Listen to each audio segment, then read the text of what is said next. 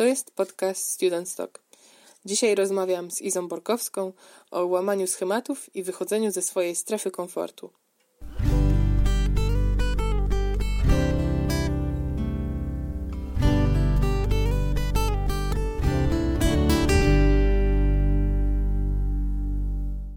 Słuchaj, Iza, powiedz mi, dlaczego w ogóle zdecydowałaś się, żeby jechać na Erasmusa? Bo jedziesz w przyszłym roku, tak? Mhm, E, o tak. ile dobrze pamiętam. Na piątym do roku Danii. studiów. Na, właściwie na pierwszym roku, na drugim roku drugiego stopnia. O, tak powinno się podobno mówić. Okej, okej. No i słuchaj, czemu akurat na Erasmusa? Bo to też wiesz, nie jest taki łatwy czas, mi się wydaje teraz e, wyjechać gdzieś i, i tam Mhm. się uczyć. Nie jest łatwy czas, ale gorzej było rok temu. Gorzej było rok temu, kiedy zaczął się COVID, kiedy, mm, kiedy mieliśmy sytuację e, pandemii no, w takim dosyć zaawansowanym stopniu. Mm, Każdy też tej pandemii się obawiał e, i ja również się obawiałam. To znaczy też może bardziej nawet w tym kontekście, że ja nie pojadę, e, bo uczelnia na przykład zabroni wyjazdu. A ponieważ też nałożyło się na to parę spraw w związku z, moim, z moimi studiami, ze zmianą kierunku, no to wtedy stwierdziłam, że okej, nie będę szła teraz na Erasmusa, muszę się wdrożyć trochę na nowych studiach, na magisterce i dopiero wtedy mm, pójdę sobie jeszcze raz. Ale wracając do pytania, no to e, czym jest dla mnie Erasmus, dlaczego chciałam do tego Erasmusa pojechać? Wiesz co, to jest w ogóle bardzo prosta odpowiedź, bo No. ja lubię poznawać nowe kultury i lubię podróżować. Mm, Mimo, że raczej zawsze podróżowałam bardziej po Polsce, to jednak wiesz, masz taką chęć czasem, jak, no jak, jak masz to coś w sobie, że chcesz po prostu poznawać, e, to wtedy po prostu myślisz sobie, że ten Erasmus jest y, bardzo dobrą opcją e, do tego, żeby, żeby pojechać i przeżyć coś więcej. A że ja uważam, że na studiach trzeba przeżyć coś więcej. Jesteśmy w takim okresie wtedy, że powinniśmy też poznawać siebie, a uważam, że poznajemy też się przez podróże, no to zdecydowałam się na Erasmusa. E, I zdecydowałam się na Danię, e, ponieważ no, interesowały mnie kierunki skandynawskie.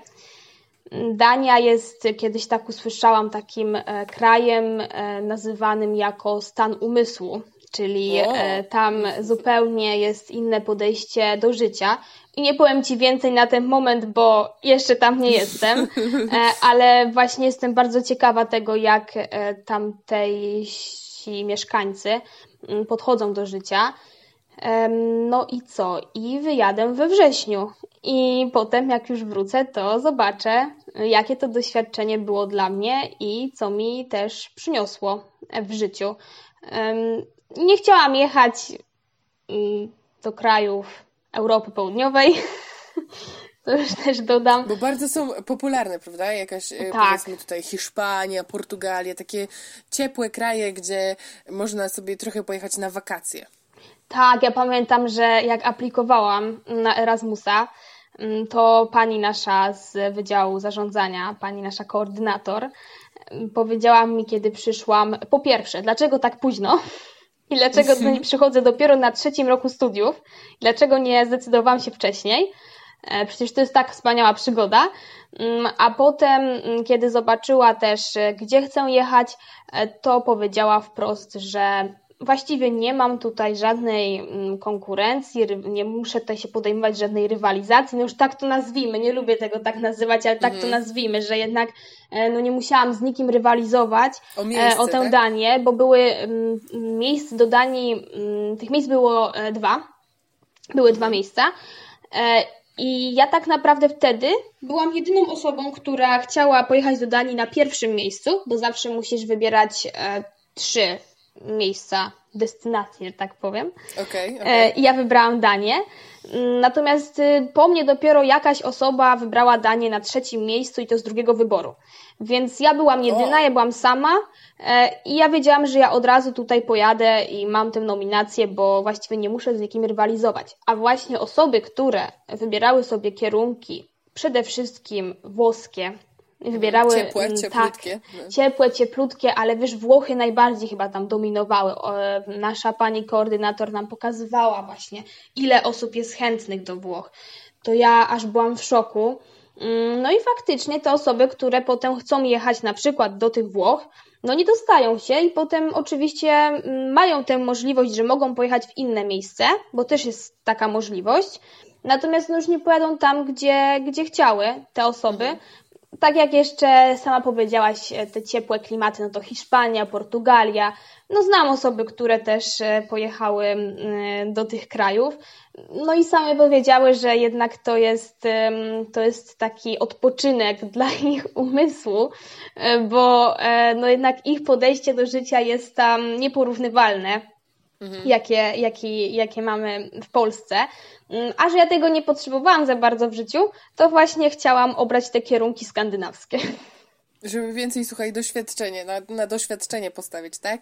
Tak, Żeby wiesz, ja po prostu nie chcę aż tyle imprezować. Aha. Ja wiem, że to jest dziwne, ale jednak jestem już e, na finiszu praktycznie moich studiów i myślę, że dużo już, już imprezowałam. Już się wyimprezowałeś, słuchaj, na studiach, no. Chociaż myślę, że na wakacje, na wakacje mhm. oczywiście, Portugalia, Hiszpania, jak najbardziej. Bo na ile jedziesz na e, Erasmusa? Na pół roku, tak? Tak, to jest e, jeden semestr, to jest semestr zimowy. Też mogę tutaj powiedzieć od razu e, dla osób, które chciałyby się wybierać na, właśnie do krajów skandynawskich na Erasmusa, żeby zawsze wybierały raczej semestr zimowy. Bo ja na początku, trochę nieświadoma, właśnie rok wcześniej, wybrałam sobie semestr letni. I ja już potem wiedziałam, że ja muszę zrezygnować, nie tylko ze względu na to, że pozmieniały mi się trochę tutaj moje mm, preferencje na studiach i zmieniłam ten kierunek studiów, ale chodzi tutaj o to, że ja zaczynałam sesję w styczniu, znaczy my zaczynaliśmy, no tak, pod koniec stycznia już się zaczynała sesja, wcześniej też były egzaminy, a tak naprawdę już pod koniec stycznia to ja powinnam być w Danii. I teraz jak ja potem sobie to tak, bo oni zaczynają e, rok, e, rok e, swój akademicki Wcześniej? we wrześniu. Tak. Aha, aha, okej. Okay. Tak, ale okay. słyszałam hmm. też, że inne kraje skandynawskie, już nie będę mówić które, bo już nie chcę skłamać, ale zaczynają jeszcze wcześniej, nawet w sierpniu. O.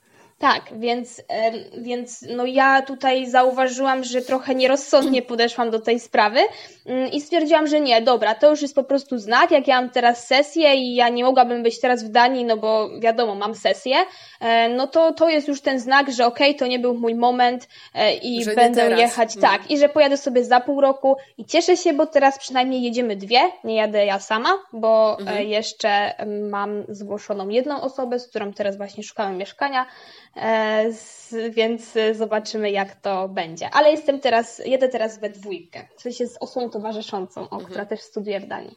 Będzie studiować.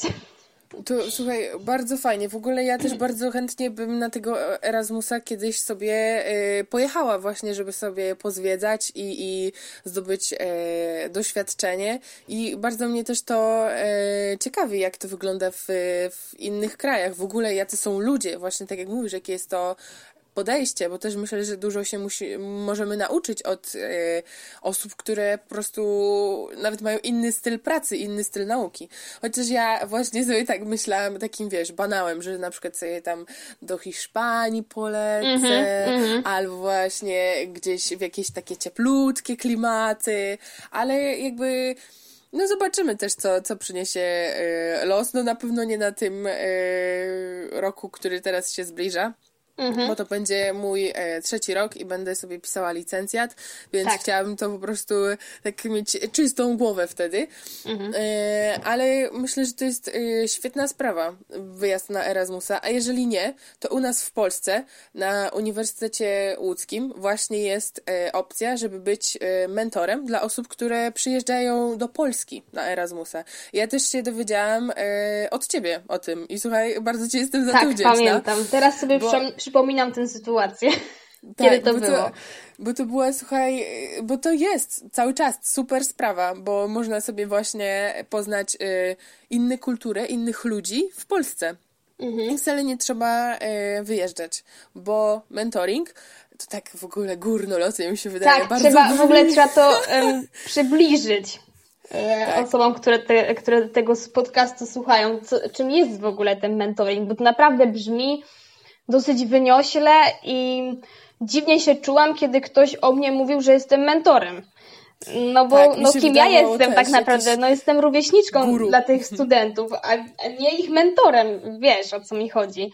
Mm, ale ten mentoring to jest naprawdę super sprawa i mentoring e, też pokazał mi e, i też spowodował, że zaczęłam żałować, że ja wcześniej nie zdecydowałam się na Erasmusa, bo no jednak Erasmus wymaga trochę odwagi, jeżeli ktoś chce pojechać tutaj wiesz, mamy troszeczkę inaczej. Jesteśmy w Polsce, mamy swoich znajomych, mhm. czujemy się już tak bezpiecznie. E, wiesz, chodzimy, znaczy teraz nie chodzimy na wydział, ale wiesz, jesteśmy w tym samym no, miejscu no, i czujemy się lepiej. Znamy wszystko, mhm. tak. I jedyne, co na początku może nas przerażać, no to jak idziemy na, na e, nowy kierunek studiów, nie znamy osób, nie znamy kierunku, nie znamy wykładowców, nic nie wiemy. Ale mhm. potem, kiedy się już oswajamy z tym wszystkim, to aż ciężko nam, wiesz, zaryzykować i pojechać w jakieś i pojechać po jakieś nowe doświadczenie w życiu. Więc y, no, ten Erasmus, ale naprawdę jest to super sprawa. Natomiast mentoring no, nauczył mnie właśnie tego, mm, że będąc w obcym kraju, trzeba sobie też radzić. I te osoby, które przyjechały na Erasmusa do Polski, no, zrobiły fajny krok, że zdecydowały się na e, mentora, zwłaszcza jeśli mm, no, jechały w pojedynkę czy w grupie dwóch, trzech osób. Bo oczywiście ja jako mentor, mm, mentor, tak dziwnie mi o tym mówić, no ale ja jako mentor e, miałam zazwyczaj dwie, trzy osoby pod sobą.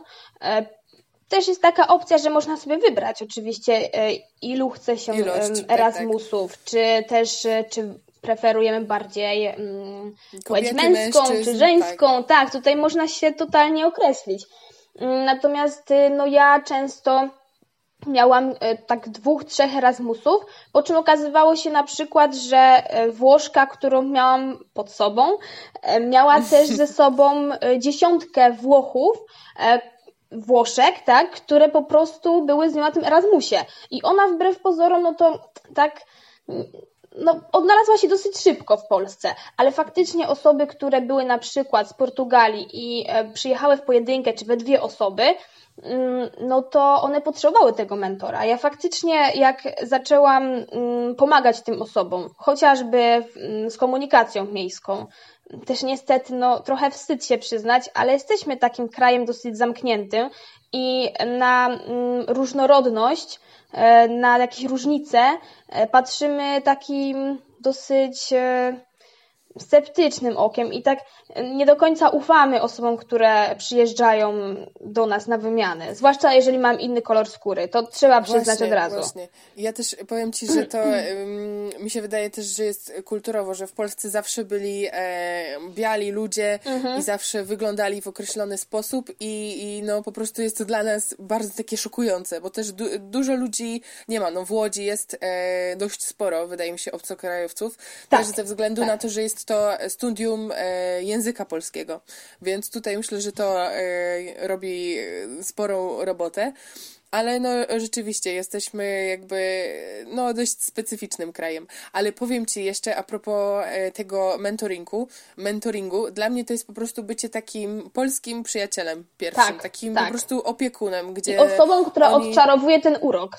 Znaczy tak, ten, tak. ten zły urok. Tak. tak, gdzie oni mogą przyjść i wiedzą, że zawsze mogą do nas e, napisać, spotkać się z nami, jeżeli chcą. Ja byłam dwa razy mentorem, dwa razy miałam e, dwie osoby, opiekowałam się dwójką e, osób. Raz to były dwie dziewczyny, a później było dwóch chłopaków. I też to, czego się nauczyłam od, od właśnie moich Erasmusów, to jest to, żeby dać sobie trochę na luz.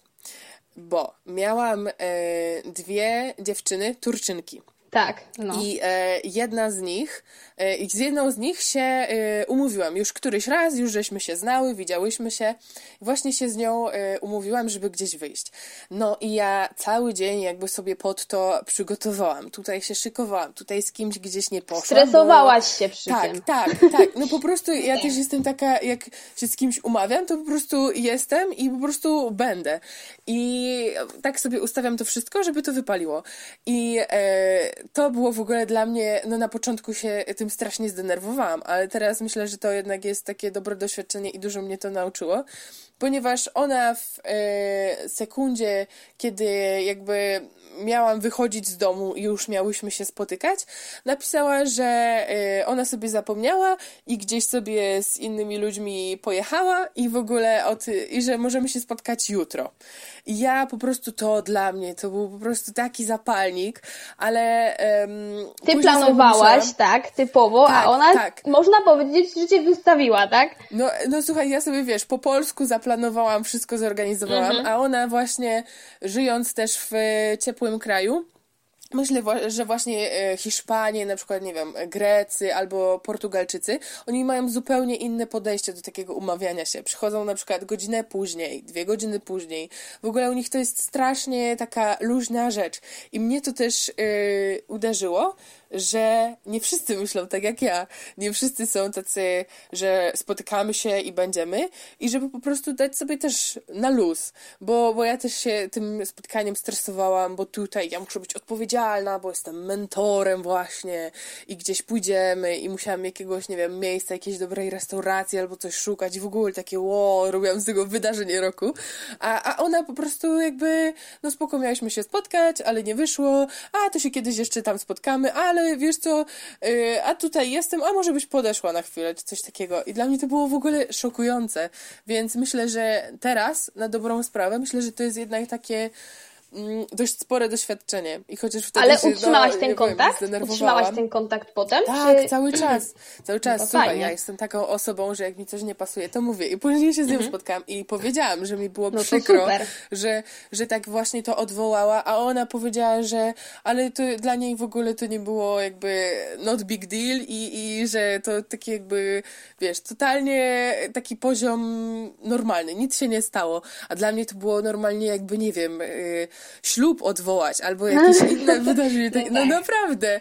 Więc i później właśnie też rozmawiałam z moją przyjaciółką i ona mi też uświadomiła to, że to jest zupełnie inna kultura, że oni zupełnie inaczej myślą, że to jest zupełnie inny mindset i że oni właśnie mogą do tego tak podchodzić, że po prostu mieliśmy się spotkać, nie wyszło i tyle. Ale wiesz, ja też się takiego luzu nauczyłam od moich e, menti, bo takich nazywamy menti, Mhm. I widzisz, i teraz e, ja mam problem, kiedy mam się spotkać ze swoimi znajomymi z Polski. Zdarza mi się taka siesta, potem no fiesta, tak? Tylko, że ta mm, siesta się dosyć przedłuży i potem dopiero idę na e, imprezę. Mm, chociaż mnie siesta raczej nie jest siestą typową, bo raczej coś tam zawsze robię, a oni podobno potrafią tylko leżeć. Mm, dla mnie siesta to jest czasem po prostu zostać w domu i trochę po prostu dać sobie na luz, ale jednak coś tam robić w międzyczasie. E, no ale tak, no powiem Ci, że e, od Menti można się bardzo wiele nauczyć od osób, od osób przyjeżdżających na Erasmusa. I to jest bardzo fajne doświadczenie. Więc polecamy, no nie? Tak, z całego serca, naprawdę. Jak ktoś po prostu lubi i myśli, że to jest e, fajna sprawa, bo ja na przykład też się zgłosiłam dlatego, że lubiłam po prostu ludzi, rozmawiać z ludźmi.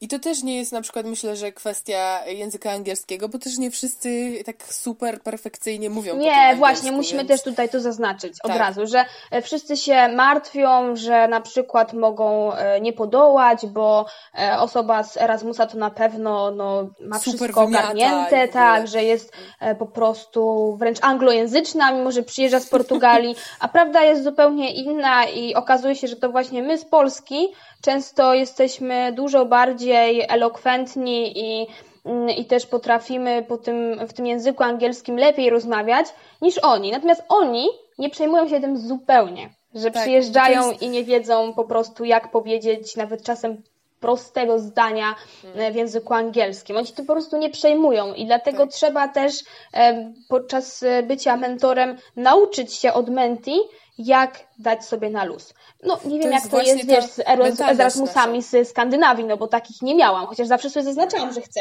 ale wiesz, oni chyba nie chcą do Polski przyjeżdżać. Więc to chyba dlatego. No, niestety, ale może słuchaj, kiedyś ci się trafi, albo ktoś cię, słuchaj, z tej Danii odwiedzi, z kimś się zakolegujesz, także wiesz. No ciekawe to jest. Tak. Ale myślę, że właśnie e, to jest super sprawa dla e, po prostu Polaków, e, że tak to ujmę. Tym bardziej, że właśnie do nas przyjeżdżają ludzie na przykład z, z Turcji, z Portugalii, z Egiptu. Ja też miałam z Włoch właśnie menti.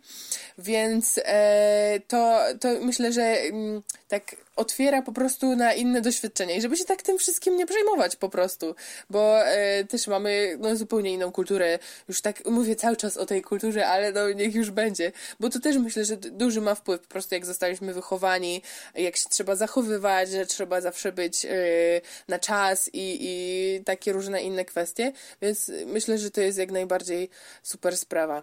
A wiesz, sobie... w ogóle jeszcze myślę, że warto wspomnieć o jednym przy mhm. mentoringu, bo ja zawsze się zastanawiałam, dlaczego oni przyjeżdżają do Polski. I co oni widzą w Polsce? Przecież oni mają no tak właśnie. pięknie, wiesz, mają tak, tak ciepło. I ciepło. Tak, i mają po prostu, no, no mają bardzo fajne życie, którego nie no, według mnie nie powinni zamieniać na Polskę. Mhm. No ale jednak no, my się tutaj wychowali, wychowałyśmy, tak? Więc dla nas ich kraje są po prostu przepiękne. A Egzotyczne. one dosyć, że im powiedziały, Portugalki akurat, że im się w Polsce bardzo podoba, to powiedziało mi rzecz, która mi w ogóle otworzyła totalnie umysł, dlaczego Polska jest taka atrakcyjna. Jesteśmy w środkowej Europie i od nas oni mają bardzo dobrą komunikację do wielu innych państw Europie bo oni chcą hmm. zwiedzać, oni chcą pojechać do Szwecji, chcą pojechać do Niemiec, oni chcą po prostu zwiedzać, nie wiem, nasze polskie Tatry, ale i słowackie. Oni naprawdę chcą podróżować na tym Erasmusie, a Polska jest idealnym miejscem i tanim miejscem, to też trzeba przyznać, mhm. mm, dla nich do podróży. Więc ja potem zrozumiałam, dlaczego oni wybierają Polskę. Więc to jest chyba też taki, e, taki e, ważny element, który powinnyśmy tutaj wspomnieć, bo wiele osób się zastanawia, dlaczego my w ogóle mamy tylu Erasmusów w Polsce. Mhm. No to dlatego. Ja też wiesz, akurat y, właśnie też się zapytałam raz, y, dlaczego przyjechali do Polski i dostałam odpowiedź, że po prostu do Polski jest się łatwo dostać. No właśnie, też. Więc, to, jest tak. taki, to jest też taki element ale, który im, ale który im myślę, że to jest, pojechać do Polski. Też, też wiesz co, myślę, że to jest ciekawa sprawa, że ja sobie nigdy nie zdawałam e, też z tego sprawy, że Polska jest w takim dobrym e, położeniu, że rzeczywiście tu możemy jechać mhm. właśnie gdzieś do jakiejś Danii, Szwecji i tak dalej. Tu mamy gdzieś jakąś e, Słowację, Ukrainę, Niemcy, więc no rzeczywiście to jest dość spoko miejsce, żeby zacząć podróże, także tak. ciekawe, ciekawe. Ciekawe, no nie? Ciekawe. Mhm. A słuchaj, jeszcze mam takie pytanie, bo w trakcie powiedziałaś, że y, zmieniłaś kierunek studiów. Tak. Bo na licencjacie byłaś na y, zarządzaniu projektami. Tak, tak na tym, ja co ty jesteś teraz. teraz. Tak. I zmieniłaś teraz na e, kierunek, który się dokładnie nazywa rachunkowość i zarządzanie finansami. Ze specjalizacją e, rachunkowość zarządcza. Tak. Zarządcza. Tak, tak bardzo ładnie tak, powiedziałaś. się nauczyłam. no i słuchaj, czemu taki e, skok? Bo tutaj zarządzanie mi się wydaje bardziej takie mm, ogólnorozwojowe, mhm. a rachunkowość to już jest taki stricte bym powiedziała matematyczny przedmiot. Tak, to jest w ogóle e, wszystko, co powiedziałaś, jest prawdą. Mm, zarządzanie faktycznie jest dosyć ogólne i nie uważam, żeby to był kierunek, który warto studiować przez 5 lat. Oczywiście, jak ktoś chce, i się w tym bardzo, bardzo chce rozwijać i robi przy tym różne szkolenia, to jasne, bo tych specjalizacji przecież na zarządzaniu mamy bardzo dużo. Tak jak na przykład my tutaj na naszym Uniwersytecie Łódzkim mamy zarządzanie projektami, specjalizację na licencjacie, tak przecież mamy jeszcze wiele innych specjalizacji na magisterce. Więc jak ktoś się chce naprawdę rozwijać w zarządzaniu, to owszem, e, niech studiuje przez 5 lat zarządzanie. Natomiast y, dla mnie zarządzanie po trzech latach to było trochę za mało. Ja e, też jestem osobą, wiesz, która lubi bardzo dużo zmieniać w swoim życiu. I ja myślę, że jakbym poszła na zarządzanie na magisterkę, to wiesz, utknęłabym w tym, byłabym zła na siebie, że w ogóle niczego nie zmieniłam. Bo jednak to jest taki nowy etap w życiu. Te dwa lata mhm. i te trzy lata, one są jednak trochę różne, trochę różnią się od siebie. Wiesz, na magisterce już czujesz się może nawet bardziej poważna, tym wszystkim. O, Wiesz, jednak e, czujesz, że jesteś e, już o krok od takiego naprawdę dorosłego życia. Mhm. E, I ja pomyślałam, że właśnie na te dwa lata studiów chciałabym coś zmienić. A ponieważ ja ogólnie jestem osobą, która zawsze lubiła matematykę i tak naprawdę trochę żałowałam, że nie poszłam na finanse i rachunkowość na licencjacie. No. to zdecydowałam się na ten kierunek, ponieważ e, mi też to liczenie i, i te metody kalkulacji po prostu no nie przychodzą łatwo, bo tego się trzeba nauczyć, e, ale jednak robię to z przyjemnością. Pewnie ktoś, kto nas słucha, jest humanistą, się zastanawia, o czym ja teraz w ogóle mówię i co ze mną jest nie tak, ale niektóre osoby faktycznie mogą to lubić, mm -hmm. więc tutaj od razu to zaznaczmy mi brakowało, wiesz, właśnie po tym jak przyszłam mm, z liceum, poszłam, z, tak, skończyłam liceum na profilu matematycznym, poszłam na e, studia, to mi, wiesz co, brakowało tego kalkulatora w ręce.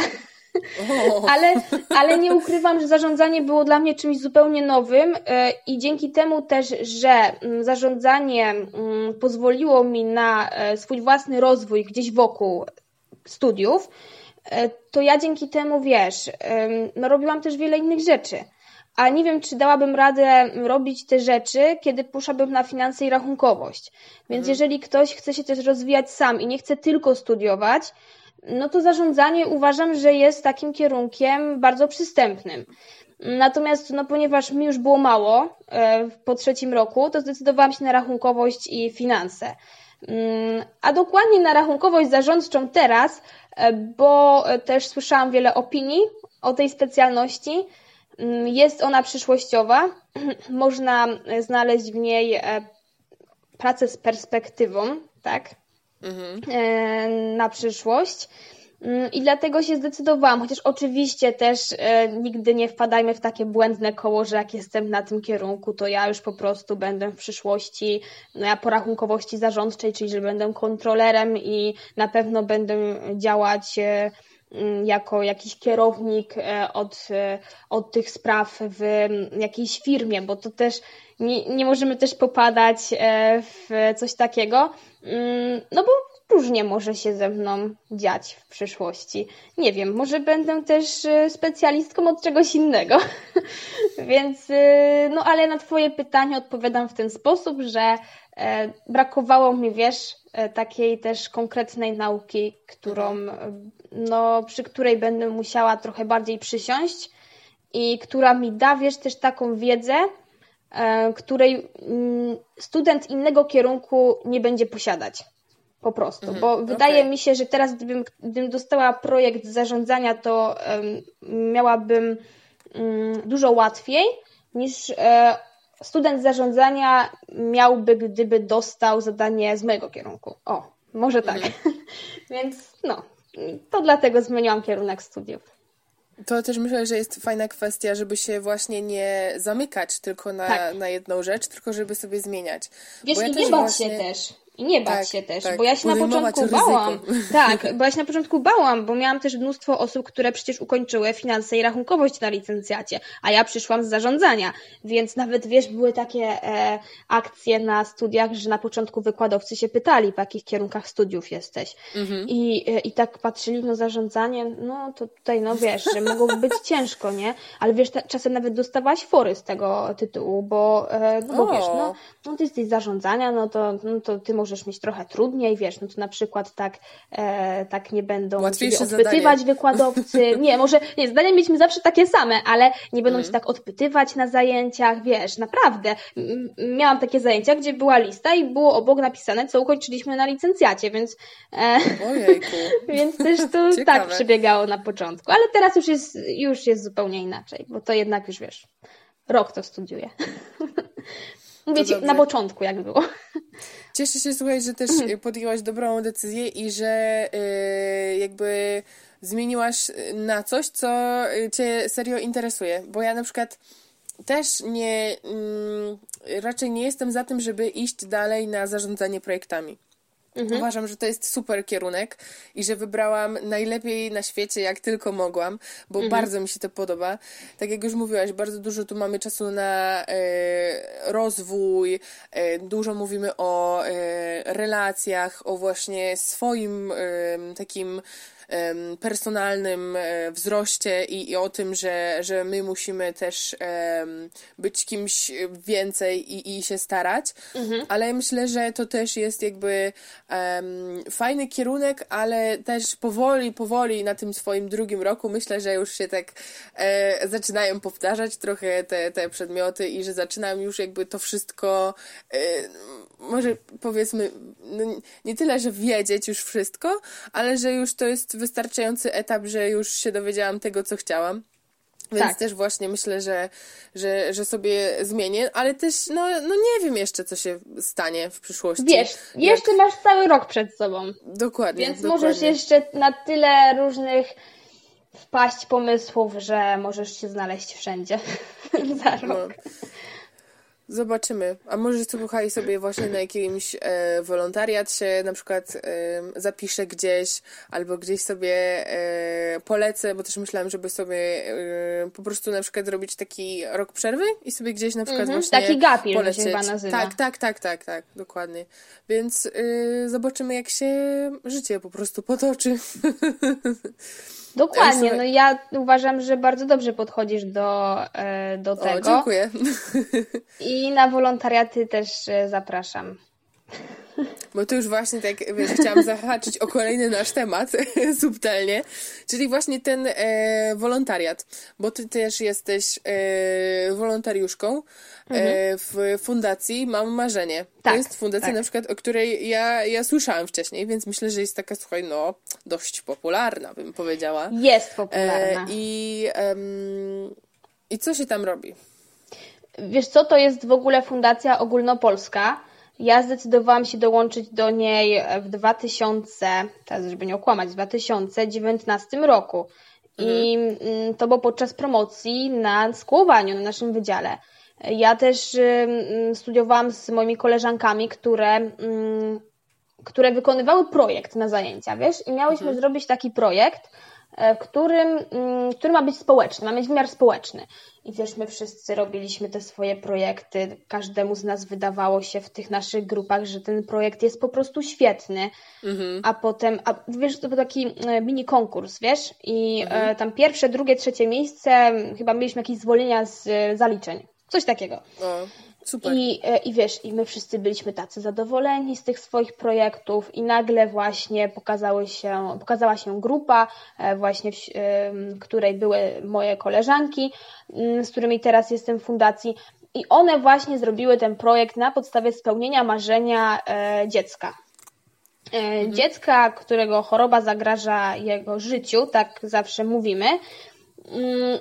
I ja wtedy, wiesz, zauważyłam, że kurde, w ogóle coś takiego istnieje, że y, można spełniać marzenia dzieci, y, które znalazły się w takim, a nie innym położeniu.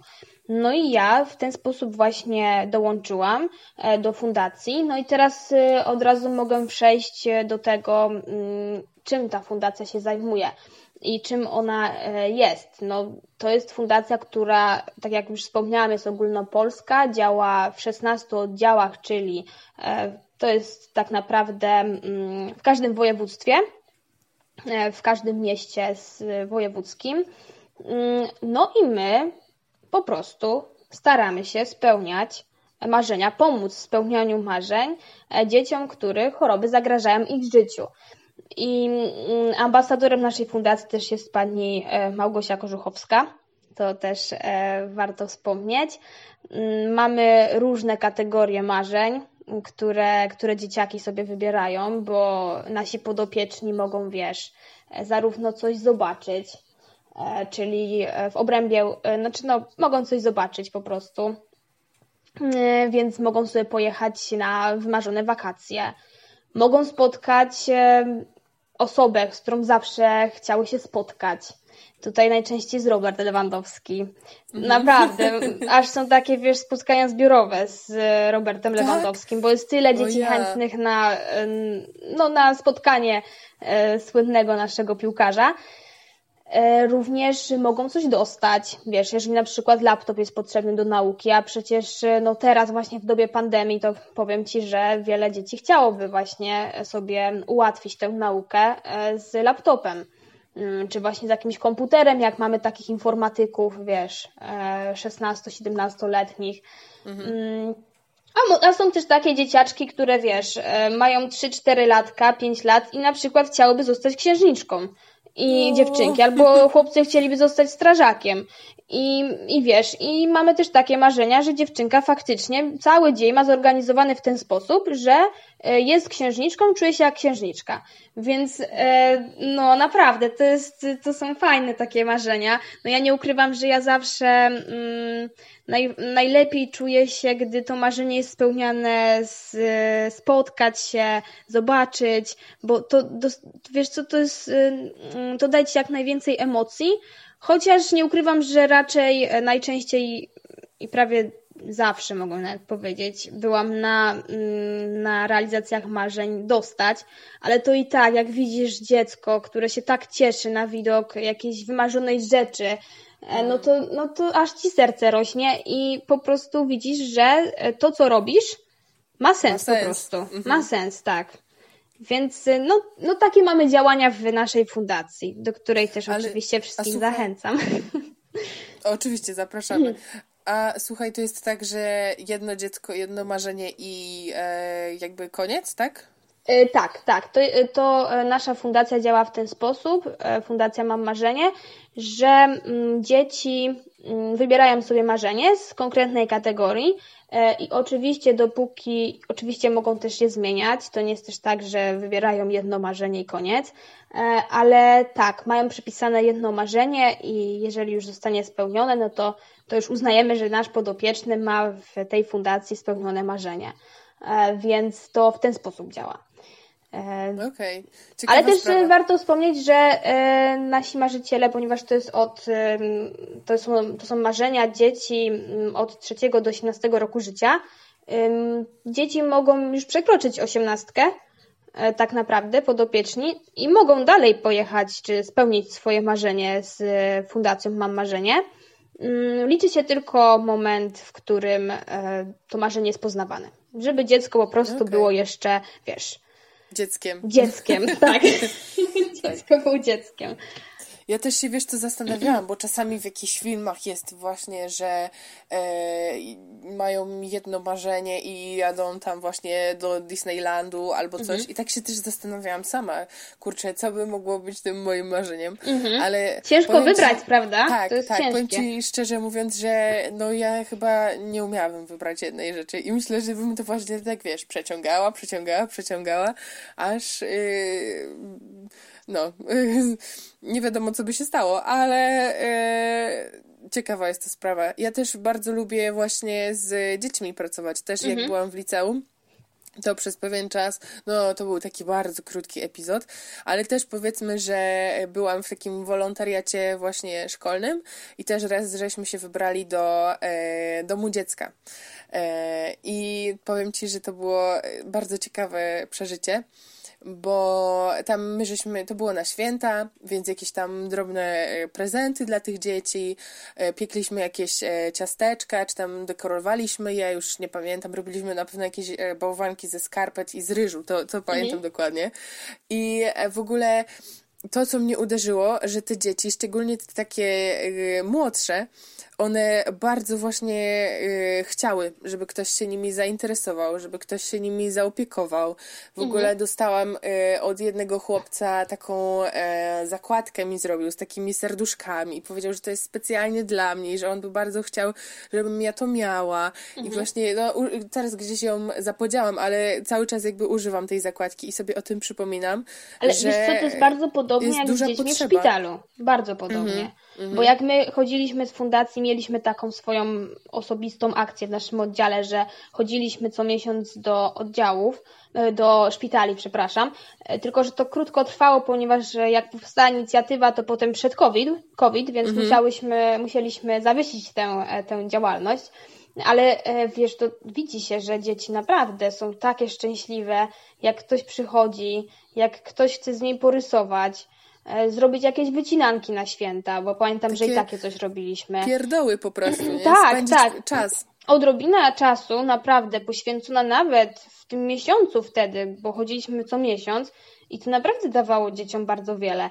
Więc y, ja też w ogóle uważam, że każdy, mm, każdy kto chce też dać coś od siebie, to powinien spróbować chociaż na chwilę być w jakiejś fundacji. Nie mówię tutaj oczywiście tylko o dzieciach, ale przecież są również e, organizacje e, na rzecz zwierząt.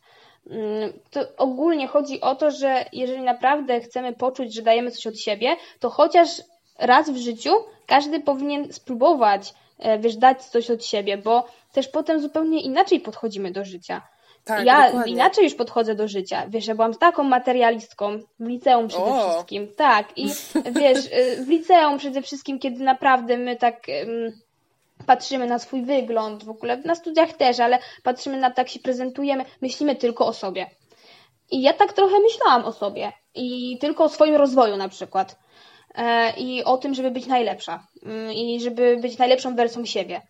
A czasem e, trzeba też pomyśleć o innych, i trzeba też zauważyć, że na przykład y, mamy fajnie w życiu, a ktoś już niestety takiego szczęścia nie ma.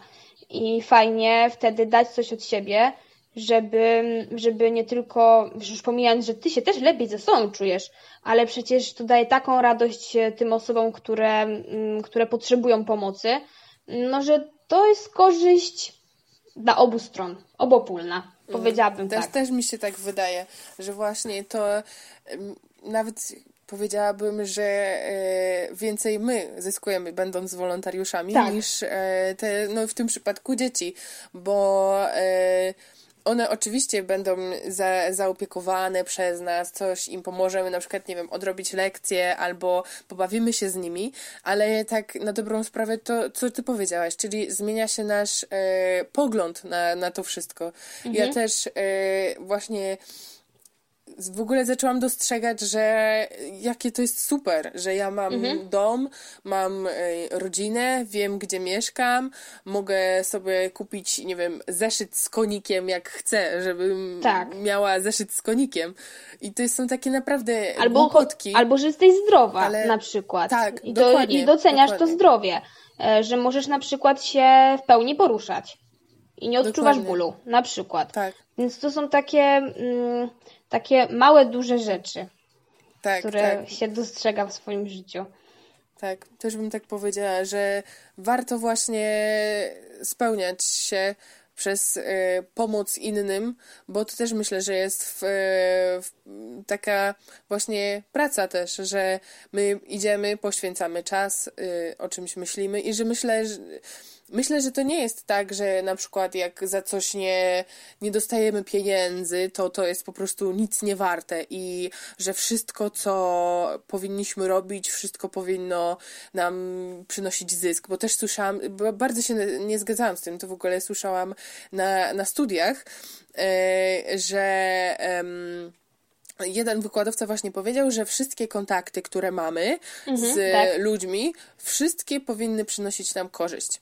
Jeżeli mhm. jakiś kontakt z człowiekiem nie przynosi nam korzyści, nie zyskujemy nic w tej mhm. relacji, to powinniśmy ją jakby odrzucić, zostawić i, i nie mieć tego. Mhm. Dla mnie to było w ogóle szokujące. A co jeżeli na przykład, nie wiem, e, ktoś e, jest z naszej rodziny, powiedzmy, no nie wiem, mama, tata, siostra, brat i, i na przykład no średnio się z nimi dogadujemy, nic nam to powiedzmy już tak yy, nie przynosi żadnej korzyści, no ale to jest jednak nasza rodzina. Nie, Dokładnie. Nie, nie sądzę, że powinniśmy z, z kimś zerwać kontakt tylko dlatego, że nam to nie przynosi korzyści. Oczywiście, jeżeli są tu na przykład ludzie toksyczni, jeżeli są tu jakieś osoby, które nas ciągną w dół, które na przykład mm, mają po prostu taki na nas zły wpływ, że no naprawdę jest, jest ciężko, to, to oczywiście, żeby zerwać z nimi te relacje, myślę, że jest okej, okay, ale myślę, że też też e, jakby trzeba rozróżnić, że nie każda relacja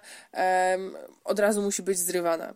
Bo też mhm. właśnie du dużo bardzo zyskujemy od takich ludzi, którzy no tak materialnie i realnie nic nie mogą nam dać. Ale, ale wiesz, ty to usłyszałaś od y, wykładowcy, to jest mhm. osoba starsza od ciebie i według mnie to wszystko potem przechodzi na e, młode osoby. I niestety, ale też spotkałam się, no ty się spotkałaś akurat z opinią wykładowca, ja się spotkałam z opinią od studentów, od swoich rówieśników, że mm, wiesz, w pewnym momencie oni chcą zarabiać i na przykład w ogóle patrzą dziwnie na to, że ja mogę chcieć iść e, i pomagać innym za darmo. I też na przykład usłyszałam, bo powiedziałam kiedyś, że, że, no, że pracuję, tak, no to jest praca w fundacji, może nie dostaję za nią e, żadnych pieniędzy, to jednak według mnie to jest praca, bo praca jest wtedy, kiedy po prostu dajesz coś od siebie i, i nawet jak się rozwijasz, to to jest praca. Natomiast no, usłyszałam, że praca to jest tylko wtedy, kiedy otrzymujesz za to wynagrodzenie pieniężne i a dla mnie wynagrodzeniem może być uśmiech dziecka i ja tak, tak naprawdę nie potrzebuję w tej sferze pieniędzy, e, żeby czuć, że wykonuję pracę. E, więc no niestety, ale to tak przechodzi z pokolenia na pokolenie. Oczywiście niektórzy tak mają, że e, tak dziwnie patrzą na wszelkie wolontariaty i niestety, ale też u siebie, gdzieś w jakimś bliskim kręgu, czy nawet rodzinnym. Usłyszałam, że no, że w cudzysłowie, bo nie lubię tak mówić, ale że robię za darmo. No, robię za darmo, mhm. ale według mnie to mnie rozwija i to jest potrzebne po to chociażby, żebym była bardziej wrażliwa na pewne kwestie, e, które są no, niezmiernie istotne e, w naszym życiu. Jeżeli chcemy być e, ludźmi i traktować innych też z szacunkiem i też podchodzić do swojego życia z szacunkiem, to też powinniśmy spróbować żyć inaczej czyli dawać coś od siebie, niekoniecznie dostając coś w zamian. Mhm. Właśnie to, co ty powiedziałeś, żeby spróbować żyć inaczej, żeby troszkę wyjść z tej swojej bezpiecznej strefy, tak. E, z takiego komfortu, żeby zobaczyć, co jest po drugiej e, stronie, że Mm, może nawet nie, nie do końca się na przykład z czymś e, zgadzamy, tak jak na przykład ten wolontariat, że ktoś jest przeciwny, bo to jest e, praca za darmo, tak jak ty, tak, tak. powiedziałaś, ale czasami no, może nam się to nie spodoba, a może się okaże, że to jest dla nas bardzo właśnie odkrywcze doświadczenie i że to jest e, świetna rozwojowa sprawa, więc ja też jestem za tym, żeby po prostu siebie pchać do takich e, granic i przechodzić dalej i iść cały czas dalej i, i po prostu patrzeć, co się stanie. Bo też właśnie myślę, że no co, no, no zdobędziemy jakieś doświadczenie, a jeżeli się okaże, że nie, no to nie, nic jakby wielkiego. Ale nie jesteśmy miałam... stratni. Nie tak, jesteśmy stratni po prostu. Dokładnie, dokładnie. Więc y, myślę, że wolontariat jest e, świetną sprawą. I też, słuchaj, ty jesteś, y, też bym powiedziała, wolontariuszem, nie tylko właśnie w tej fundacji Mam Marzenie, ale też w AZS-ie, tutaj u nas na uniwersytecie. Wiesz co, e, my to nazywamy w AZS-ie bycie działaczem, dokładnie. E, okay. I tak, działaczem słowo, sportowym. Tak, ta, takie mamy nazewnictwo e, w sporcie, że jesteśmy działaczami. No ja tam mm, przyszłam do Akademickiego Związku Sportowego, Uniwersytetu Łódzkiego dokładnie, ponieważ ja wiedziałam, że ja muszę koniecznie działać w sporcie. W jakikolwiek sposób chciałam, chciałam mieć z tym sportem jakąkolwiek styczność, wiesz? Ja zawsze lubiłam oglądać sport. Nie wszystkie dys dyscypliny oczywiście, ale lubiłam też się ruszać, lubiłam po prostu aktywność fizyczną. To zostało mi do dzisiaj. Mm, I też e, tę swoją aktywność przekładam na działanie. E, działanie w obszarze sportu. Oczywiście to nie jest e, jakieś szczególne działanie w takim sensie, że ja tam odgrywam czy gram pierwsze skrzypce, ale jestem osobą, która na pewno, kiedy są akademickie Mistrzostwa Polski czy jakieś wydarzenia sportowe, no to jestem w tym gronie osób, które na pewno chętnie pomogą i które mm, na pewno tutaj zaangażują się w takie wydarzenie, bo nas to po prostu interesuje. E, I ja też zawsze e, mogę też zachęcić do takich aktywności, bo wiele osób, e, które chciałyby działać w sporcie, nawet nie wiedzą, że coś takiego jak Akademicki Związek Sportowy istnieje, a nawet jeżeli wiedzą, to myślą, że mm, AZS opiera się na mm, reprezentowaniu uniwersytetu na zewnątrz, na mistrzostwach akademickich Polski. Natomiast można też e, w tej sferze sobie działać jako działacz sportowy, I mm, ja pamiętam, że jak poszłam do AZS-u, no niestety potem przerwała to pandemia, ale ja naprawdę uważam, że e, robiłam tyle, ile chciałam robić, bo chodziłam na e, dyżury i też te dyżury mimo wspominam, gdzie studenci mogli przychodzić i o coś się zapytać. Ja też na tych dyżurach e, nawiązałam dużo znajomości, chociażby z osobami, które na tych dyżurach również były. Mm, na wszelkich wydarzeniach, no również wiesz, czujesz tego ducha sportu i integrujesz się z osobami, które są podobne do ciebie, bo tak naprawdę osoby, które interesują się sportem, gdzieś tam zawsze myślę, że mm, dogadają się ze sobą i to jest trochę taki inny typ relacji. I ja zauważyłam, że jak mam się z kimś dogadać i mieć podobny vibe, to e, na pewno szybciej dogadam się z osobą, która interesuje się sportem, niż która interesuje się na przykład makijażem, no bo wiadomo, mnie makijaż aż w takim stopniu nie interesuje, więc e, no ja po prostu to lubię robić. Mm, I tak, i mogę też zachęcić na pewno, tylko że to jest taki minus, wiesz, że jak przyszła pandemia, e, to niestety, ale to bardzo uderzyło w sport. I również uderzyło w AZS. My co prawda się spotykaliśmy wirtualnie, ale wiesz, to tak nie wychodzi. Jednak sport powinien powinien się dziać, po prostu on powinien być tutaj, w rzeczywistości. Powinien te wszystkie wydarzenia łączyć ludzi w realu, a nie wirtualnie.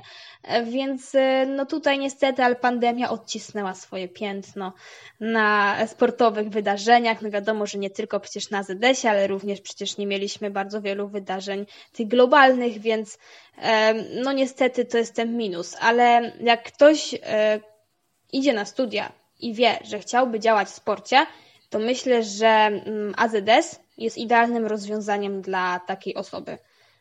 A słuchaj, jak się tam w ogóle dostać? Jak się zapisać? Jak ktoś tam y, dzieje wszystko?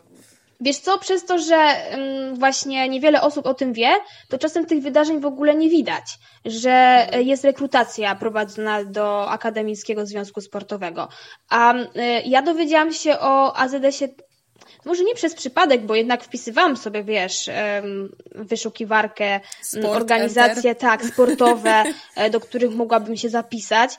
I wiesz, nawet nie miałam wtedy w myśli, że ja w ogóle pójdę do AZS-u, bo ja też sama nie wiedziałam, że AZS funkcjonuje również dla osób, które chciałyby działać w sporcie, nie tylko być sportowcami akademickimi, reprezentować uniwersytet na zewnątrz, ale również jako osoba, która no, widzi te wydarzenia od środka. E, więc e, ja do, zupełnie przez przypadek potem zobaczyłam wydarzenie na Facebooku. E, oni mieli taki bardzo chwytliwy wtedy, mm, bardzo mieli taki chwytliwy napis, hasło przewodnie tego wydarzenia. Już nie pamiętam jakie, ale wiem, że jak przyszłam na to spotkanie, widzisz, przez przypadek, bo zobaczyłam mhm. wydarzenie na Facebooku, to no, bardzo wiele osób wtedy przyszło.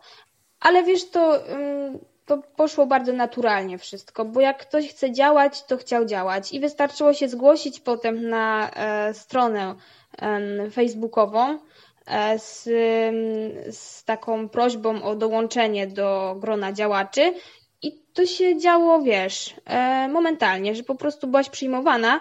E, natomiast, no wiadomo, że jeżeli ktoś faktycznie chce działać w tym AZS-ie, to wiesz, to zawsze odnajdzie swoje miejsce. I kto się miał wykruszyć, ten się wykruszył, po prostu nie chciał działać, a ten, kto chciał, to został. Ja zostałam mm.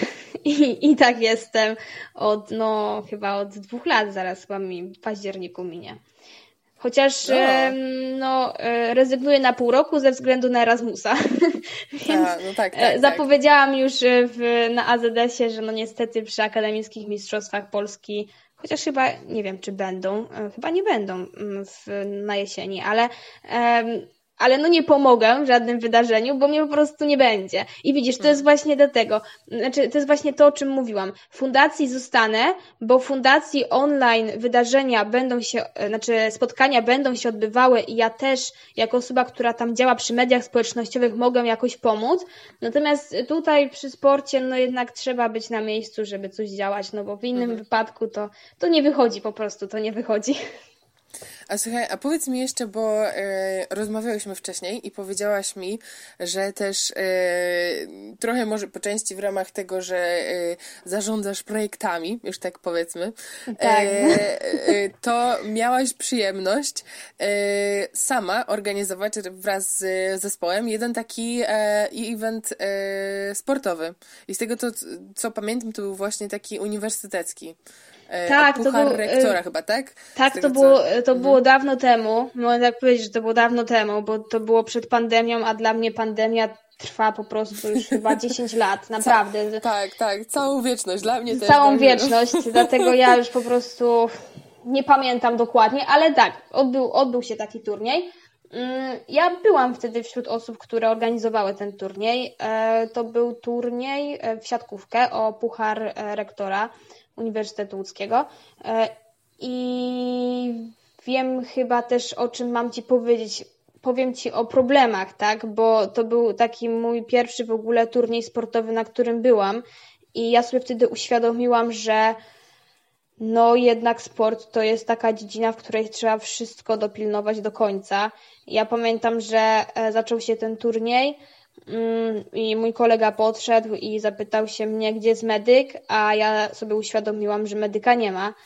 I no wyobraź sobie taką sytuację, że dzieje się coś w tym momencie zawodnikowi, a nawet nie ma kto mu pomóc. I to jest, i to jest, i to wtedy pierwszy raz uświadomiło mi, ile rzeczy trzeba, o ilu rzeczach trzeba pamiętać na takim evencie, żeby, mm, żeby on się w ogóle odbył. Um, oczywiście bez żadnego szwanku prawda? Żeby mhm. po prostu on odbył się mm, porządnie od początku do końca. No i to był taki wstęp właśnie, e, ten turniej dla mnie w, w takim mm, zrozumieniu, że wiesz, że to zarządzanie projektem to jest naprawdę ciężka sprawa.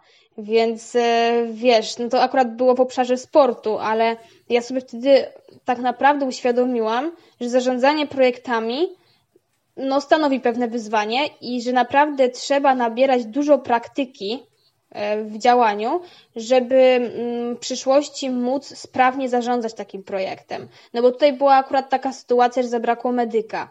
No ale to mogło się też wydarzyć na jeszcze innym turnieju, jakiejś jeszcze wyższej rangi i no wtedy się naprawdę robi problem. Już nie mówiąc o tym, że zawodnikowi nie ma kto pomóc, to też mogą być z tego tytułu pewne problemy, jeżeli przyszłaby mhm, kontrola i, tak, tak, i sprawdziłaby, że tego medyka nie ma.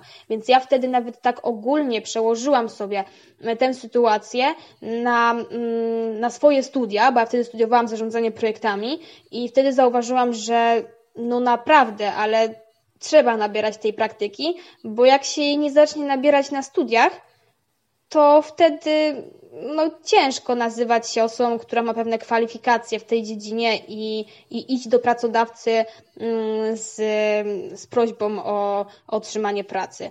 Więc na jakąś rozmowę rekrutacyjną. Więc też e, wtedy uznałam, że studia to nie wszystko, wiesz?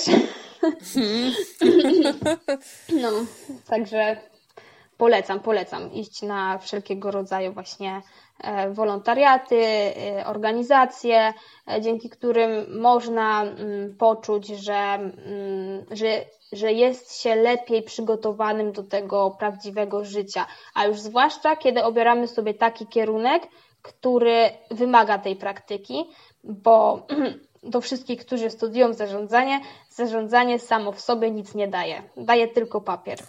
Niestety przykre to, ale, ale prawdziwe. ale prawdziwe. Ale myślę, że to jest potrzebne, żeby uświadamiać osoby o, na ten temat, bo wiesz, jak szłam na studia na pierwszym roku, to, to też jest minus naszej polskiej edukacji, uważam, że my nie wiemy zbyt wiele o naszym kierunku studiów. Tak naprawdę sugerujemy się tymi wszystkimi opisami, wiesz, czytasz o zarządzaniu i, i tam jest ci powiedziane, że będziesz zarządzać e, po studiach i będziesz e, takim i takim kierownikiem, tak, menadżerem. W to się nie wierzy. Jak ktoś nas tego słucha, a podchodzi do matury, znaczy podchodził, bo to chyba już matura się skończyła, ale jak ktoś myśli o studiach, to naprawdę trzeba się porządnie zastanowić, jak ten czas chce się wykorzystać. Bo jeżeli są to studia, które wymagają również e, praktyki obok teorii, no to trzeba tę praktykę po prostu wykonywać, a nie no tak. przesiedzieć na studiach 5 lat. Chyba, że naprawdę już ma się ustawione życie. A to myślę, że są też Ale ja takiego nie mam. przypadki. No. Ale właśnie to, co powiedziałeś, że żeby y, zdobywać doświadczenie i żeby po prostu się dowiadywać, co i jak z tymi studiami. Ja też pamiętam, się zastanawiałam, e, gdzie chcę iść, mhm. na jaki uniwersytet, bo też się nie y, zamykałam, że tylko e, jeden i tyle. No ja y, mieszkam e, w województwie śląskim, więc też jakby mhm. oczywistym wyborem był jakiś Uniwersytet Śląski i też właśnie po prostu pytałam się też akurat moja e, kumpela tam studiowała, więc mhm. e, miałam też dostęp do e, informacji różnych na ten temat, ale właśnie fajnie jest nie tyle co, co czytać jakieś opisy i różne takie inne suche fakty, co, co będziemy umieć, kim co nie będziemy po tych studiach, ale żeby właśnie pytać ludzi tak, się dużo rozglądać tak, na za, za, I, i wierzyć za tym właśnie, które piszą te rzeczy. Bo niektórzy na przykład, ja tak miałam, wiesz, że jak czytałam mhm. te wszystkie opisy i potem wpisywałam sobie opinię, to ktoś właśnie mówił, że co wy w ogóle nie idźcie na ten kierunek, bo tu jest tak, tak, tak i tak. A ja sobie tak myślałam, no ale nie, no przecież tutaj uniwersytet pisze takie rzeczy. I wiesz, mhm. i na początku tak e, ciężko ci w to uwierzyć, że e, te opisy prawdą. mogą się tak mijać z rzeczywistością, tak. E, ale no, ale sprawdziło się jedno. Wszyscy pisali, że na Wydziale Zarządzania UE e, jest bardzo dobra atmosfera i e, wykładowcy są też bardziej przyjaźni i też można się poczuć lepiej na tym wydziale. I faktycznie tak jest. I też a propos jeszcze nawiążę do Erasmusów, też mi mówili moi menti, że ten nasz Wydział Zarządzania ma coś w sobie. Mhm. że jest taki international. Jak to powiem? On tak mi international, że jest taki bardzo przyjemny do mhm. studiowania. No ja uważam, że akurat e, bardzo dobrze trafiliśmy, że, że super tu są wykładowcy, tak, tak. I że naprawdę ja, e, no zarządzanie to mi się wydaje takim kierunkiem, gdzie trzeba mieć doświadczenie, no bo e, mhm. co mi się przyda, że będę wiedziała, że tak mogę zarządzać albo tak. Jakby myślę, że tutaj praktyka robi klucz kluczową robotę. I właśnie też spotkałam dużo osób, które same e, mają doświadczenie. Miałam też e, z jakimiś e, przedsiębiorcami zajęcia, z właśnie właścicielami firm, z jakimiś ludźmi, którzy na co dzień zajmują się tym, e, tymi projektami. I oni właśnie powiedzieli, jak jest. I to też było takie uderzające. To tak ostatnio się nawet nad tym zastanawiałam, że e, w teorii jest tak, ale tak się nie robi, bo tak, na tak. przykład ta, i to jest w ogóle tak. po co się takich rzeczy uczyć?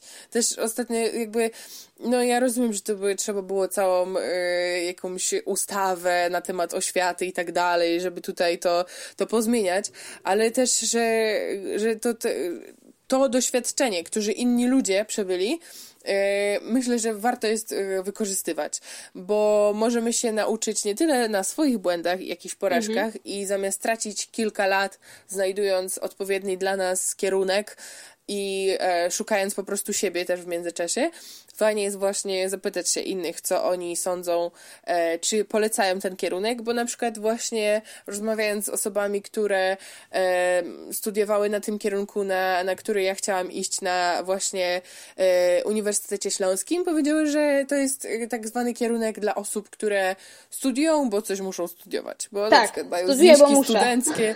Tak, tak. A ja jednak chciałam, że, że żeby to były studia rozwojowe, bo jakbym sobie chciała tylko na przykład iść dla takiej e, przyjemności, to bym sobie na przykład poszła na filologię polską, bo ja na przykład bardzo lubię takie rzeczy humanistyczne. Teraz ale... musisz Madzia przeprosić no. każdego, kto słucha tego podcastu, jest na filologii polskiej. Nie, bo ja ale... to też jeszcze podkreślałam ostatnio, że że ja szanuję wszystkich, którzy e, idą na kierunki humanistyczne i naprawdę chcą w tym kierunku się rozwijać e, i naprawdę chcą to studiować. Ja myślę, że jak oni naprawdę są zdeterminowani i wiedzą, że to jest kierunek dla nich, to oni znajdą sobie pracę w tym zawodzie. Natomiast jeżeli ktoś idzie bez przekonania, bo na coś trzeba iść, to wtedy niestety, ale zwłaszcza po kierunkach humanistycznych, no jest w naszej Polsce bardzo ciężko. Mm. Ja Niestety. też sobie właśnie tak, tak sobie właśnie też myślę, że po prostu jeżeli ktoś robi coś, co daje mu frajdę, co jest mhm. dla niego dobre, co po prostu go kręci, to nawet y, powiedzmy, jeżeli czeka go y, taka y, przyszłość w maku, tak to nazwijmy kolokwialnie, tak to, to odnajdzie się, bo na przykład będzie na tyle zdeterminowany, żeby e, iść na jakieś szkolenia, mhm. żeby tu się zgłosić, tam mhm. się zgłosić, tu gdzieś wyjechać, tu coś pozmieniać, więc myślę, że tak na dobrą sprawę kierunki humanistyczne nie, nie znaczą w stu procentach bezrobocia. Oczywiście, tylko... że nie, tylko po prostu tym osobom jest ciężej, bo tak. łatwiej jest mi znaleźć chociażby pracę, nawet nie moich marzeń, ale jakąkolwiek pracę w korporacji, mhm. niż osobie, która na przykład skończyła jakąkolwiek filologię. No to mówię akurat o polskiej, no bo też inne, no to, to już tak się uczepiliśmy, uczepiłyśmy się po prostu tej no. filologii polskiej, ale na przykład y, ja chciałam studiować geografię i też mhm. znam osoby, które studiują ten kierunek i mm, szanuję bardzo za to, że, że właśnie mm, wybrały sobie to, co lubią, bo ja miałam, miałabym taki wybór i myślałam też nad geografią, ale mm, no uznałam, że wiesz, więcej perspektyw jednak e, z pracą odnośnie pracy, e, no jednak otrzymam po zarządzaniu. No mhm. i to jest prawda, bo no łatwiej jest nam znaleźć pracę w jakimkolwiek biurze czy korporacji po prostu po zarządzaniu, e, niż osobie, która studiuje jakiś niszowy kierunek, no bo geografia teraz stała się trochę takim niszowym kierunkiem niestety. E, I mm, no co jeszcze mogę powiedzieć, to to, że nawet zauważyłam to po ofercie stażów. E, to też możemy poruszyć ten temat, że oferta stażów no, jest znikoma dla osób z kierunkami humanistycznymi takimi typowo, e, no jednak wpiszesz sobie to zarządzanie na biurze karier, czy nawet na tym portalu Młodzi w Łodzi. I ja pamiętam, że miałam bez problemu mnóstwo ofert, które odpowiadały mojemu kierunkowi. Natomiast e, wpisałam sobie, pamiętam, wpisałam sobie taki kierunek zoografia? Nie, Jezu, nie chcę powiedzieć jakiejś głupoty, ale zootechnika coś, jest coś na pewno. Ze, może zootechnika? Nie było zbyt wiele, wiesz, mhm. ofert mhm. Mm, dla osób po tym kierunku. Więc, ale, ale szanuję każdego, kto właśnie, wiesz, tak, tak, dokładnie, dokładnie. idzie w zaparte za swoim i chce osiągnąć sukces w tym, w czym chce osiągnąć sukces, po prostu. Tak. Ale ty tak wiesz, podsumowując, już się zbliżając no. powoli do końca, możemy właśnie powiedzieć, że jeżeli ktoś chce się rozwijać, ktoś e, chce coś robić, to myślę, że jest na to miejsce, że właśnie można się pozgłaszać do różnych e, organizacji, wyjechać na przykład na Erasmusa, Dokładnie. pozwiedzać coś. Bo to, Chociażby to... na piątym roku studiów. Tak jest. Każdy tak moment jak... jest dobry. Tak na rozwój przede wszystkim. Tak. bo to tak jak też powiedziałaś na początku, że studia to jest taki czas, żeby y, poznawać siebie, zdobywać doświadczenie i po prostu jakoś wkraczać powoli w to dorosłe życie.